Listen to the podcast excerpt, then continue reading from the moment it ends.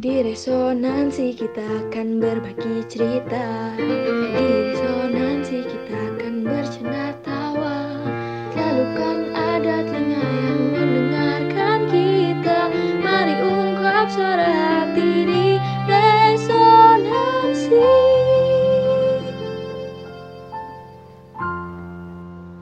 Balik lagi bareng kita-kita di resonansi cerita satukan kita. Di sini Kita. kita ada tigaan ya, eh, bareng Vina dan ada gue Patrick dan ada Pak Eka di sini. Nah. Kita Halo hari ini full team ya. You. Yes Kita mau Lalu sebulan sekali kita upayakan bro untuk bisa ngobrol bareng bersamaan yoi. Nah, kita hari ini mau bahas soal ini ya, masih di bulan November, berarti kita di penghujung tahun, kita siap-siap liburan ya. Dan Wow betul. Dan ya untuk menutup kita mau ngomongin yang mungkin bikin ini ya, bikin menenangkan hati gitu ya, bikin seneng juga. Kita mau update soal pencapaian ya. Eh, kita mau tapi tapi nggak nggak hanya bukan bukan sekedar nyombong nggak jelas gimana ya. Kita justru pengen meredi meredefinisikan pencapaian itu. Jadi expect lah pembicaraan yang mengarah ke eh, ya bagaimana kita ini melihat apa ya melihat pencapaian itu dari kacamata yang berbeda begitu loh. Ya nggak harus pencapaian itu sesuatu yang susah-susah banget impossible buat dicapai gitu ya. Tapi mungkin kita bisa lihat dari sudut pandang lain. Jadi pertama-tama untuk membuka mungkin ya eh, tanya dulu ke Pak Eka nih. Kira-kira pencapaian seperti apa yang kita akan obrolin sih hari hari ini Gimana Pak? Nah jadi eh, justru saya mau nanya nih ke kan kita beda generasi ya pencapaian menurut Patrick sama Vina itu apa sih gitu. Hmm. berangkat dari situ baru kita belajar untuk ya mensyukuri bergerak maju gitu kan ketika kita mencapai sesuatu nggak cuma nggak nggak nggak jumawa nggak hanya hanya diam di tempat tapi apa yang bisa kita kerjakan tapi eh, mungkin saya kembali begitu apa sih makna pencapaian menurut kalian gitu mungkin eh, bro Oke, mau siapa dulu nih? ladies first lah it's okay Oke, oke, ladies first. Oke, makna pencapaian menurut Vina ya. Eh, eh, menurut aku tuh ya setiap orang pasti punya cita eh, ingin mencapai, ingin bikin bangga orang tua dong, ya nggak sih? Hmm. Nah, eh, dari pencapaian itu tersendiri, kita tuh pasti harus terdorong dan di mana kita pasti punya usaha-usaha tersendiri untuk mencapai eh, apa achievement itu. Hmm. Jadi setiap orang pasti punya beda-beda pencapaian pengen apa, tapi tujuan utamanya pasti ingin eh, apa ya? Ingin bikin seneng gitu orang sekitar, pengen jadi orang yang baik, orang yang berguna buat masyarakat, buat semua gitu. Menurut aku sih itu ya. kalau Patrick gimana menurut Patrick? Heeh. kalau menurut gue sih em, mungkin kalau final lebih orientasinya ke kolektivisme ya dia punya sense of pengabdian yang tinggi terhadap eh, sesamanya gitu. Cuma kalau menurut gue pencapaian namanya- itu Devina bro. Eh, cuma kalau menurut gue itu lebih ke bagaimana kita bisa menghidupi ya menghidupi apa yang kita mau gitu. Kalau kita bisa mencapai apa yang kita mau ya eh, personally terlepas dari orang ngomong apa gitu ya. Apakah disetujui atau enggak tapi kita lebih apa ya istilahnya gigih dan eh, kekeh dan persevere gitu ya terhadap kata hati ya. Pasti kita punya suara hati dong gitu ya. Dan kalau kita bisa ikutin terus ya ja- jadi kita nggak goyah kita nggak menyimpang sini sana terpengaruh kata orang gitu ya. Kalau kita bisa persevere sampai akhir sampai kita dapat pokoknya ya di situlah kita mencapai sesuatu ya. Itu dua sudut pandang berbeda lah dari generasi yang sama. Sekarang pertanyaannya dibalik ke generasi yang yang lebih apa ya? Iya iya. Yang lebih kolot ya, diwakili Pak Eka nih. Kalau menurut Pak Eka gimana?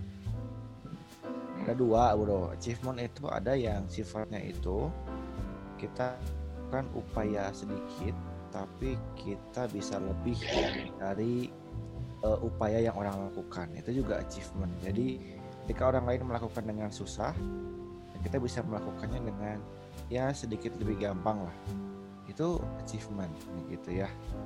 Hmm. ada ada bagian talent di situ ada bagian apa ya uh, alamiah mungkin ya hal-hal alamiah yang ya secara natur kita lebih bisa gitu. Itu satu. Yang kedua juga achievement itu adalah kemampuan kita keluar dari kebiasaan kita membentuk suatu hasil yang baru atau yang lain dibanding yang sebelumnya. Itu juga achievement seperti misalkan saya itu mandi setahun sekali misalnya. Nah, udah selama 10 tahun setahun sekali. Tapi di tahun yang ke-11 mandinya jadi sebulan sekali. Itu juga achievement. Kenapa? Karena hmm. menghadirkan sesuatu yang baru dan berbeda begitu. Dengan upaya yang uh, mudah begitu. Tapi berhasil pola itu. Nah itu juga achievement. Iya. gitu. Jadi sesuatu yang uh, jelas kelihatan real gitu. Right. menarik sih. Justru uh, kalau yang gue dapat sih uh, apa ya achievement yang terdef terredefinisikan itu datang dari Pak Eka justru ya. Bagaimana dia itu bilang ya improvement apa pun sekecil-kecilnya yang mampu kita hasilkan gitu ya itu udah achievement gitu ya. Itu kan improvement yeah. kecil gitu ya nggak far fetch gitu nggak tiba-tiba oh harus mencapai keinginan pribadi. Mungkin ya nggak tahu ya keinginan pribadi mungkin tinggi banget kan sampai-sampai mustahil atau memenuhi kemungkinan orang lain gitu loh. Tapi sama mungkin keinginan orang lain juga susah banget gitu ya. Butuh butuh kekuatan dewa lah gitu. Tapi kalau improvement kecil siapa sih yang nggak bisa mencapai ya nggak sih Iya. Hmm. Ya, lagi pula kan semua hal besar itu kan dimulai dari hal kecil. Betul, Makanya, betul, betul.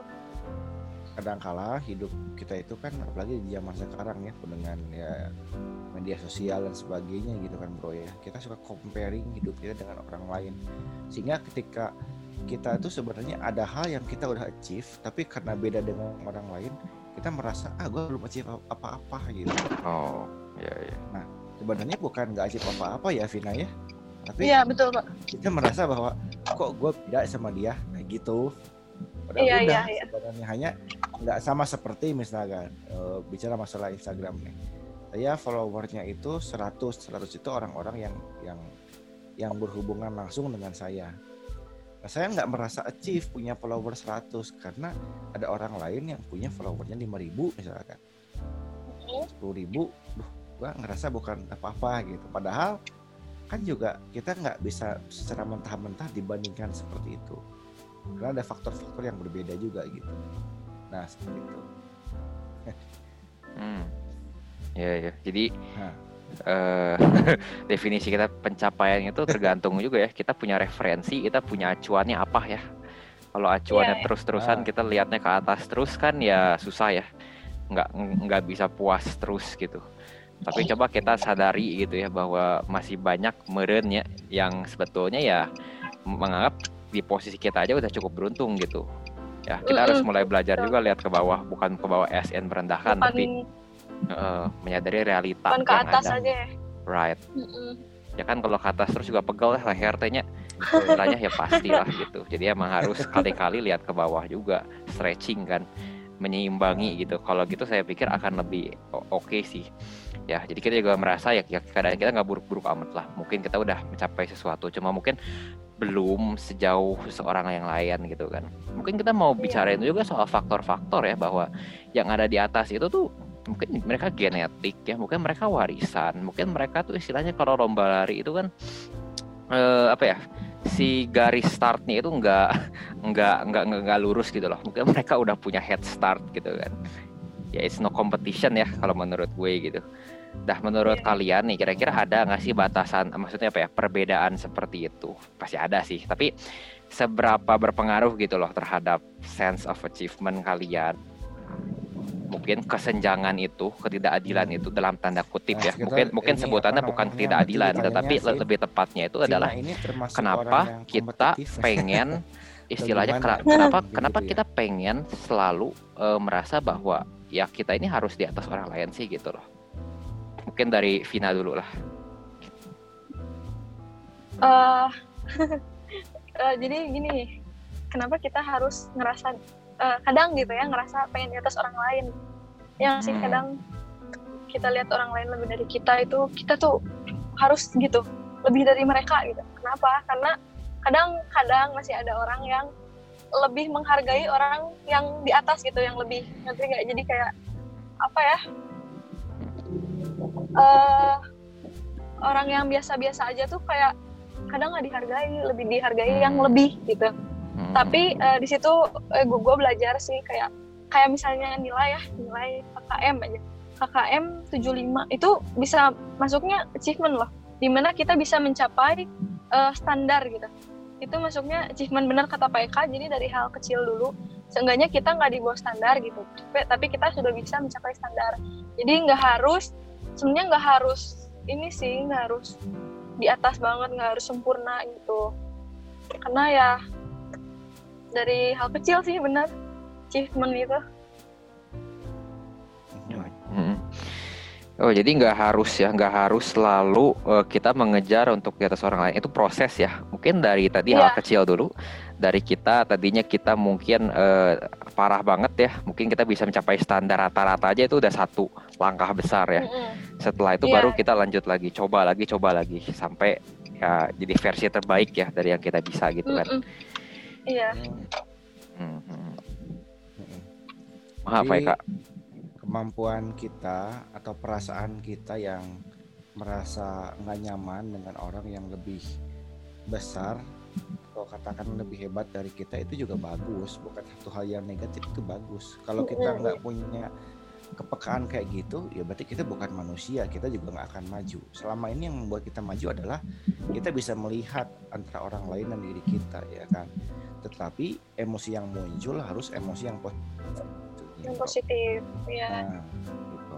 Seperti yang tadi Vina ngomongin bahwa oh, gua udah 75, di bawah gua masih banyak yang kesulitan, gua udah bisa nih. Nah, hanya mungkin hal yang perlu digarisbawahi achievement itu adalah sesuatu yang tidak boleh dan jangan sampai membuat kita living at the mediocre gitu jadi jadi jadi mediocre gitu seharusnya achievement itu membuat diri kita terus progres hidupnya gitu. mediocre itu kan kalau di sekolah ya paling senang kita jadi orang mediocre mediocre itu ya anak baik nggak nakal. Padahal nggak nakal itu bukan berarti kita anak baik loh ya. Cuma kita tuh pura-pura baik antara pura-pura baik udah gitu ya nggak mau banyak masalah lah hidupnya gitu kan. Tapi juga jangan salah loh orang yang mediocre itu baik di sekolah baik di mana pun kurang dikenal. Kenapa? Nilainya rata-rata sikapnya rata-rata. Mm-mm. Padahal kalau kita pengen dikenal ya, ya ini lepas daripada Eh, respon kalian seperti apa. Di sekolah yang dikenal tuh apa sih? Siswa yang pinter, pinter banget, Yang atau siswa yang prestasi jago dong banget? pastinya.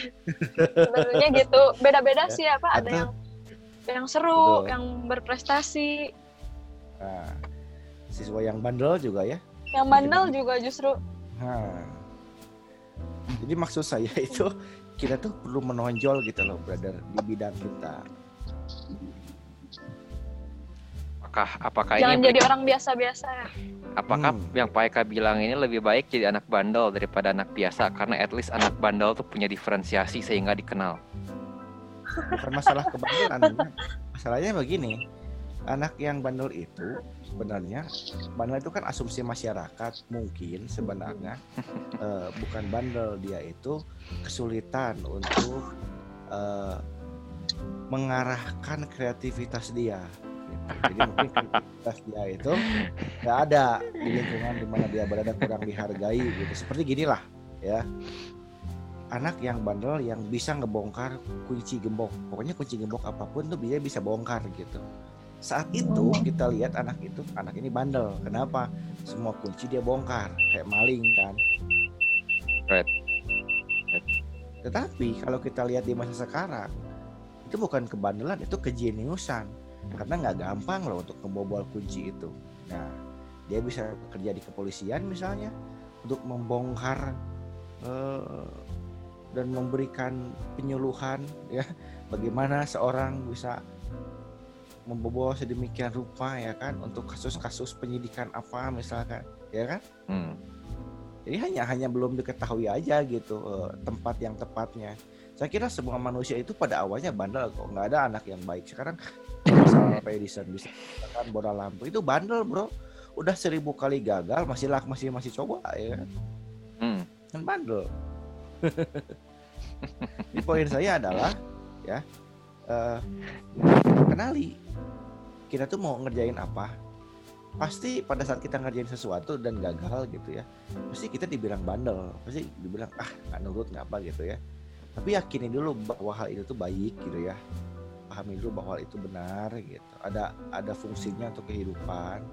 Ya buktikan prove it gitu. Ujung-ujungnya what is achievement? Achievement adalah keyakinanmu yang kamu bisa prove it ke orang lain. Itu achievement. Wow. jadi sekarang Patrick nih dapat piala. Piala itu cuma cuma bentuknya cuma fisiknya. Tapi sebenarnya achievementnya bukan piala itu gitu loh. Achievementnya adalah ya keyakinan kamu yang udah udah kamu lakukan dan berhasil dan orang lain jadi percaya. Itu achievement sebenarnya gitu. Ya nggak Vina? Karena apa?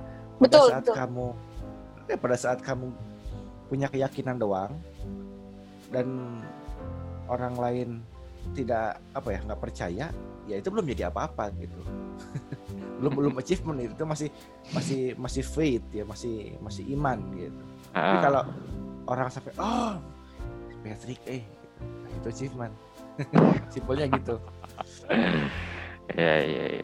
Cuma eh, kalau yang gua nangkap sih bukannya berarti kita tuh kudu ngejar approval ya, bukan berarti kita tuh harus selalu appeal ya, mengemis pengakuan orang lain, tapi lebih ke arah bahwa ya Nah. gimana pun juga ya itu suatu necessity ya bahwa terdapat unsur tadi pengakuan ya.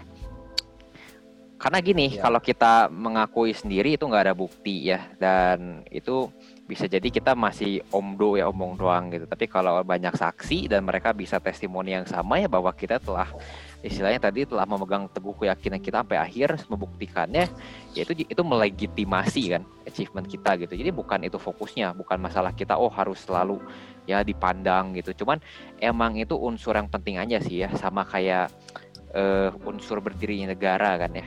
Perlu pengakuan dari Iya. negara lain, bukannya pengen pengen dilihat gitu, tapi ya ya eh, itu mah necessity aja gitu suatu keharusan yang mutlak karena kalau enggak ya belum ada bukti kalau belum ada bukti ya kan kita mungkin bisa jadi jadi fake gitu achievement kita belum ada yang membuktikan gitu Nah. ya ya karena bicara masalah Iya. achievement itu sesuatu yang ya terukur ya kita nggak bisa bilang bahwa oh gua achieve tapi nggak ada ukurannya gitu. Berbeda dengan dream. Kalau dream ya bermimpilah setinggi lah setinggi mungkin gitu kan. Milikilah Iya. impian sebanyak banyaknya ya. Betul impian sebanyak. Tapi kan eh, itu impian dream yang abstrak. Bagaimana Beda ya Pak ya? beda. Dream itu baru dibuktikan dari achievementnya. Misalkan dreamnya itu ya seperti Patrick pengen jadi sutradara tinggal saya tanya kan sudah berapa film yang dibuat? Oh belum berarti mimpi doang. Iya, Iya betul betul betul. tapi tapi ketika eh, oh saya pengen jadi sutradara sudah berapa film yang dibuat? Oh pak saya sudah ada sekian film. Ada film-film pendek dan kadang-kadang saya bikin ini juga dan udah masuk lomba-lomba ini ini. Saya eh amazed nggak dengan semua itu? Ya pasti amazed. Oh Mm-mm. Patrick, gitu kan? Iya. Hmm. Karena menghindari hidup dalam utopia brother.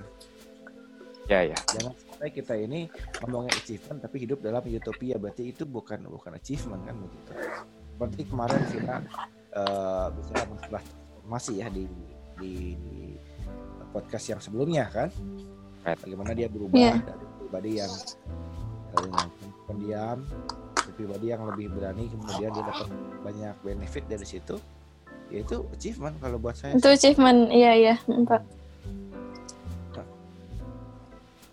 gitu. jadi eh, yang namanya achievement itu nggak harus selalu menang ya beda ya tadi kalau gua nangkep eh, usaha aja udah udah udah udah mau berusaha aja ya itu udah udah bisa dibilang achievement ya kayak tadi kan misalnya Iya. ditanya udah berapa film kan kan dibilang oh udah per- udah sekian film udah ikut lomba ini tapi kan orang yang nggak necessary bakal nanya kan ya mungkin ada follow up question sih setelah itu ya udah menangnya berapa gitu kan tapi Mm-mm. fakta bahwa udah ikut aja kan banyak juga loh yang udah cukup amazed gitu cukup kagum at least salut dengan usahanya menganggap itu ya sebagai sesuatu tetap meskipun mungkin belum menang ya tapi ya it's better much better daripada mungkin 99% orang lainnya yang tadi ya cuma mimpi doang gitu ya Hmm. Hmm. Karena Mm-mm. gini, kalau achievement itu harus sesuatu yang eh, kelihatan hari itu, berarti tidak ada seorang presiden di Amerika yang bernama Abraham Lincoln. Hmm. Kenapa? Karena dia sudah mencoba untuk kesekian kali jadi presiden, gagal terus ya kan. Baru di usia tua, Hmm. di usia tua, dia jadi itu presiden, ya kan. Jadi sebetulnya untuk kita ya setiap manusia there is no failure, just learning process. Kita mesti mulai mengamini bahwa nggak ada yang namanya kegagalan. As long as kita tetap mau keep trying ya kan, not uh, nggak menyerah gitu ya. Hmm. Jadi nggak ada kata Iya. gagal, yang ada cuma proses belajar aja. Nah proses belajar itu achievement bro, karena ada banyak orang mogok belajarnya gitu. Iya, iya. Dan saya termasuk juga patut berbangga juga untuk keberhasilan ya kalian ya sebagai ya saya sebagai eh, saudara gitu ya. Eh, Senang juga melihat Patrick sudah membuat beberapa karya gitu ya. Baik baik yang dipublish ke publik ataupun konsumsi sendiri kalangan sendiri eh, itu udah termasuk achievement tinggal bagaimana kita prove it lagi bro ke kancah yang lebih besar. Hmm. untuk Vina juga ya yang terus eh, memperluas eh, apa namanya tuh menggali bakat-bakatnya. Sekarang kan eh, bisa jadi presenter jadi host di mana ya kan? Aktivitas ini aktivitas itu. Itu juga saya senang juga gitu karena eh si Vina eh gitu ya. Hal dulu rumahnya masih ingat zaman zaman malu-malu kucingnya ya kan kalau sekarang bukan malu-malu kucing lagi sekarang udah kayak tetep kalau mukanya mah lucu imut tetap dia nggak berubah sih dari segitu. Cuma Oke. sekarang hatinya itu seperti seekor singa bro yang siap menghadapi tantangan macam mana pun kayak gitu. Woi. apakah saya terlalu lebay enggak lah ya besok Enggak lah, enggak lebay. ya Vin ya, karena itu emang uh, amazing sih ya yang lu udah yang lu udah sam- Hmm. capai gitu sampai sekarang. Terutama dari yang dulunya kita udah lihat di dari bahasanya Pak Eka malu-malu kucing kalau bisa gini ya ini Tapi wow juga banget sih. dulu bukan berarti bukan berarti buruk loh ya hanya Iya, iya. eh, Ses. dia transformasi Juga. kepada polesan yang Ya. jauh lebih jauh lebih dibutuhkan oleh zamannya gitu. Iya nih. Jadi yang namanya introvert juga it's okay gitu. Hanya Nggak ada salahnya ya mau intro. transformasi diri. Iya. Emang Vina masih introvert by the way. Eh, dibilang introvert enggak juga sih, Pet. Berarti sebetulnya pengen nanya dong ta- tadinya ya sebelum sebelum transformasi ya. Itu tuh apakah memang introvert atau sebetulnya pengen ekstrovert gitu. Cuman masih mungkin teredam aja. Lebih ke arah yang mana sebenarnya tuh ya pengen ekstrovert, cobain ekstrovert. Cuma waktu itu kan belum Oh. bisa. Mm-mm. Right. Akhirnya ya terbuka. Iya, iya. Hmm. Bang dan akhirnya kau capai lah gitu kan. Iya. Lu tahu apa yang lu pengen dulu itu awalnya kan ya. Jadi jangan Mm-mm. jangan jangan aimless ya, tapi lu tahu dulu nih apa yang lu pengen. Udah gitu lo lakuin apa yang perlu dilakuin kan ya supaya bisa mencapai itu. Hmm. Mm-mm. Harus ada modal awalnya, mau Hmm. apa ya dorongan, usaha, ada keinginan. Hmm, hmm. Jadi kalau di list, nah eh Vina ya, achievement Pak. buat Vina nih. Uh, berapa tahun nih, Vin? 2000 tahun? Ah, 19 tahun. hmm, boleh di-share ke sobat ah, 19 tahun ke sobat resonansi karena eh, generasi kalian tuh generasi yang achievement juga kalau menurut saya ya. Karena di usia kalian yang ke-19 tahun ini kalian menghadapi sesuatu yang sangat besar ya sebagai tanda zaman ya. Kalian tuh generasi Hmm. C19 sebenarnya. Wow. Kan? Iya iya iya. Di era pandemi ya. Mm-mm. Di usia yang ke-19 itu achievement itu. Hmm. Iya ya Pak, masuknya achievement. Ya, seperti yang dikatakan Najwa ya. Pesan untuk angkatan 20. Ya. Dimotivasi lagi gitu kan ya karena mereka udah banyak ter apa ya? Udah lesu gitu kan. Sedihnya banyak gitu. Dimulai dari Mhm. ya wisuda nggak pernah ada nyampe ya, nggak bisa kumpul-kumpul merayakan mau lulus SMA ya. Mhm. Terus kuliah itu banyak temen eh tiba-tiba gini susah banget adaptasi ya mau dapat temen tuh kudu dicat satu persatu harus melawan apa istilahnya meredam ego gitu ya wah harus pokoknya urat malunya harus diputusin lah gitu. Itu approach baru. Jadi ya dibilang-bilang angkatan adaptif itu achievement juga gitu kan pak sebetulnya. Kita sih menurutku ya kita masih lebih agak hoki lah sedikit gitu. Karena seenggaknya udah pernah ngerasain lulus udah pernah ngerasain kuliah normal ya sekarang udah punya temen seenggaknya gitu loh di di tengah sekarang itu gitu kan. Sekarang terpisah jauh tapi masih ada kontak gitu. Kalau mereka tuh Iya. benar-benar mulai dari awal itu aja sih ya tapi makanya mereka gue salut sih sama eh, angkatan Hmm. ini adik-adik kelas kami seperti itu Mm-mm. Ya. Bisa gitu ya, mereka berteman eh, tapi masih belum ketemu gitu. Kita kan udah ketemu, udah ngobrol bareng. Itu tuh. Jadi ya untuk adik-adik di luar sana juga bener ya yang katanya Mbak Najwa itu bahwa ya kalian itu sangat ya mengagumkan lah bagi kami-kami gitu. Di satu sisi awalnya kami kasihan tapi melihat respons kalian ya ya itu bikin kami justru eh, merasa kalian udah mencapai sesuatu gitu loh. Jadi ya jangan sedih terus lah ya intinya. Harus mulai happy kembali, semangat lagi. Itu aja sih. Semangat. betul betul. Nah mungkin brother eh, achievementnya tadi untuk Patrick sendiri udah disebutin ya Eh, sudah membuat beberapa karya untuk Vina sendiri sudah bisa dilihat di episode kita yang ke belakang gitu kan. Mungkin perlu juga dibagiin tips ya untuk bisa mencapai achievement tersebut. Karena kan kadang-kadang kalau pas lagi dapatnya orang ngucapin selamat tuh tapi kadang-kadang kita nggak bisa nggak lihat prosesnya. Jadi yang barangkali mau di-sharekan langkah-langkah supaya sobat resonansi di luar sana bisa eh, apa ya belajar mungkin ya Hmm.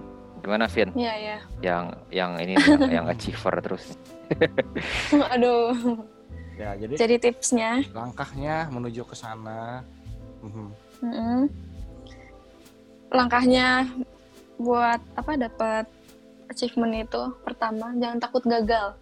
Hmm. di mana kita saat mengambil keputusan kita baru mau berusaha kita mau eh, misalnya nih ya lomba kita kita mau emang sih dalam hati pengennya menang tapi tetap sih jangan jangan takut gagal karena di saat kalian mau mau nyoba lomba itu kalian tuh termasuk itu orang-orang terpilih daripada orang lain kalian tuh orang-orang terpilih yang bakal mengikuti kompetisi gitu mau menang maupun kalah kalian tetap jadi pemenang itu yang harus ditanemin dalam Keren. setiap min- mindset kita Mm-mm. Hmm. mungkin tipsnya itu Yang kedua ada tips kedua atau itu saja? Siapa tuh masih kayaknya masih banyak nih kayaknya. aduh Durasi tapi takut kayaknya. sampai besok pagi durasi Ya mungkin nanti Nah, ma- ma- menging- mengingatkan aja ya sebetul sebetulnya satu aja mungkin ya. ya mungkin tadi yang Vina udah bilang sendiri sih bahwa pertama-tama tuh harus tahu dulu apa yang diinginkan. Banyak orang tuh bahkan nggak tahu mereka tuh pengen ngapain sih gitu dalam hidup ini. Kalau kalau Mm-mm. mau mau mau ngapain aja nggak tahu kan ya mau harus mulai dari mana ya. Jadi cobalah gali gitu ya mungkin ya potensi diri minat bakatnya. Saya pikir banyak orang belum melakukan ini begitu loh sayangnya. Jadi mereka juga agak susah ya mau diarahin usahanya ke mana yang nggak ada arah gitu. Jadinya kan bingung. Jadi mulai dari bertanya dulu lah sama diri sendiri gitu ya. Dari sekian banyak hal yang tersedia ya di dunia ini ada golf ada basket pokoknya ya banyak banget ya. Ada radio Ya. gitu. Nggak nggak nggak saling berhubungan dan Hmm. bedanya banyak banget. Tapi ya kira-kira apa sih yang kira-kira bisa bermanfaat bagi diri sendiri suka bagi orang lain juga bisa itu kan yang makna dari hidup yang fulfilled gitu ya Hmm. bisa bermanfaat diri sendiri orang lain perut kenyang Hmm. gitu-gitu kan unsur itu terpenuhi semua gitu tapi awal harus dimulai dengan eh, refleksi bertanya dengan diri sendiri itu Pak Eka sekarang Hmm. Pak Eka gimana Pak? Oke, that's good.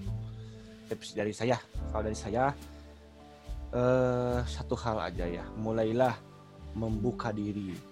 Karena semua dimulai dari situ, Bro. Ya, dimulai dari kita yang membuka diri terhadap dunia ya. Karena dunia tuh nggak tiba-tiba, ayo kamu mau apa, kamu sweet." nggak ada itu. Seperti kita tahu ya, harus dimulai dari kita yang membuka diri kepada dunia, baru nanti eh, dunia itu membuka jalan kepada kita. Jalannya macam-macam. Ada yang seolah-olah kita di jalan yang sempit, nah ada yang seolah-olah kita di jalan yang lebar. Tapi who knows lah. Yang penting seperti apa yang tadi Vina katakan ya dan Peti katakan ya. Jadi digabungkan tiga poin itu saya kira brother. Iya iya. Oke. Itu pertanyaan yang baik Hmm. saya pikir untuk mengakhiri ya dan Berarti sebelumnya Tahu eh dulu. eh, Hmm. tahu dulu kemudian eh, dari tahu itu kan harus me, apa ya harus tindakan ya mulai act ya kira-kira apa sih dan untuk mulai beraksi itu nggak boleh nggak boleh nggak boleh takut diri. gagal ya betul seperti yang Vina Hmm. bilang ya Nah, gitu baru tidak boleh takut gagal betul. baru yang Hmm. ke Pak Eka gitu Sambung menyambung ya pokoknya. nyambung menjadi satu Itulah Indonesia. itulah ini Hore. Nah mau ngingetin ya buat sobat resonansi di luar sana yang pasti punya eh, apa ya definisi achievementnya secara pribadi ya yang beda dari kita. Nah, Mereka juga punya Mhm. pendapat sendiri gitu ya mungkin bahkan pengalaman lain gitu loh. Mereka merasa oh bahwa achievement tuh ini loh nggak gitu kok gitu bahkan bisa lebih sederhana gitu mungkin nggak harus semewah Hmm. itu. Ya kita masih tunggu nih ya cerita-cerita dari Hmm. sobat di luar sana supaya kita bisa saling sharing-sharing, menguatkan satu sama lain gitu ya. Jadi insight baru juga teman-teman bisa uh, bisa kirim tulisan kalau mau kita kita Mhm. bacain ke resonansi podcast kita at gmail.com atau kalau mau dapat kesempatan tayang langsung live bisa DM dulu ke IG kita di at resonansi podcast. Resonansi podcast. Iya oke. Tuh. Dan Tuh. untuk sobat resonansi yang mengirimkan cerita melalui apa pun kepada kita itu juga termasuk achievement Termasuk betul betul ya. karena mampu mengungkapkan pendapat dan berani menyampaikan itu Mm-mm. dan juga didengar oleh kita juga termasuk achievement. Karena ada banyak Iya, orang iya, mengungkapkan isi hati aja udah susah ya, bro ya. Iya loh, iya loh, benar-benar itu. Jadi ayo ditunggu achievementnya gitu. Oke, kita mau tutup untuk hari ini. Terima kasih untuk Vina yang mau dan Pak Eka dan kita semua ya yang udah sharing-sharing you. definisi Terima kasih. achievement kita semoga kita bisa terus achieve ya Thank you. dalam Ngomong-ngomong lagi definisi di mobil barusan. ya Vina ya. Ini baru sampai ini sih Pak, sampai rumah. Mantap. Podcast sambil traveling ini mode mode yang oke nih. Iya iya iya. Mode on, Vina mode on. Mode on. Oke. Oke sobat, kita mau tutup seperti biasa. Kita mau bilang ya, akhir kata cerita cerita satukan, satukan kita kita, kita. Okay, see you the next see you the next episode, see you the next episode. thank you Vina bye bye, bye. thank you thank you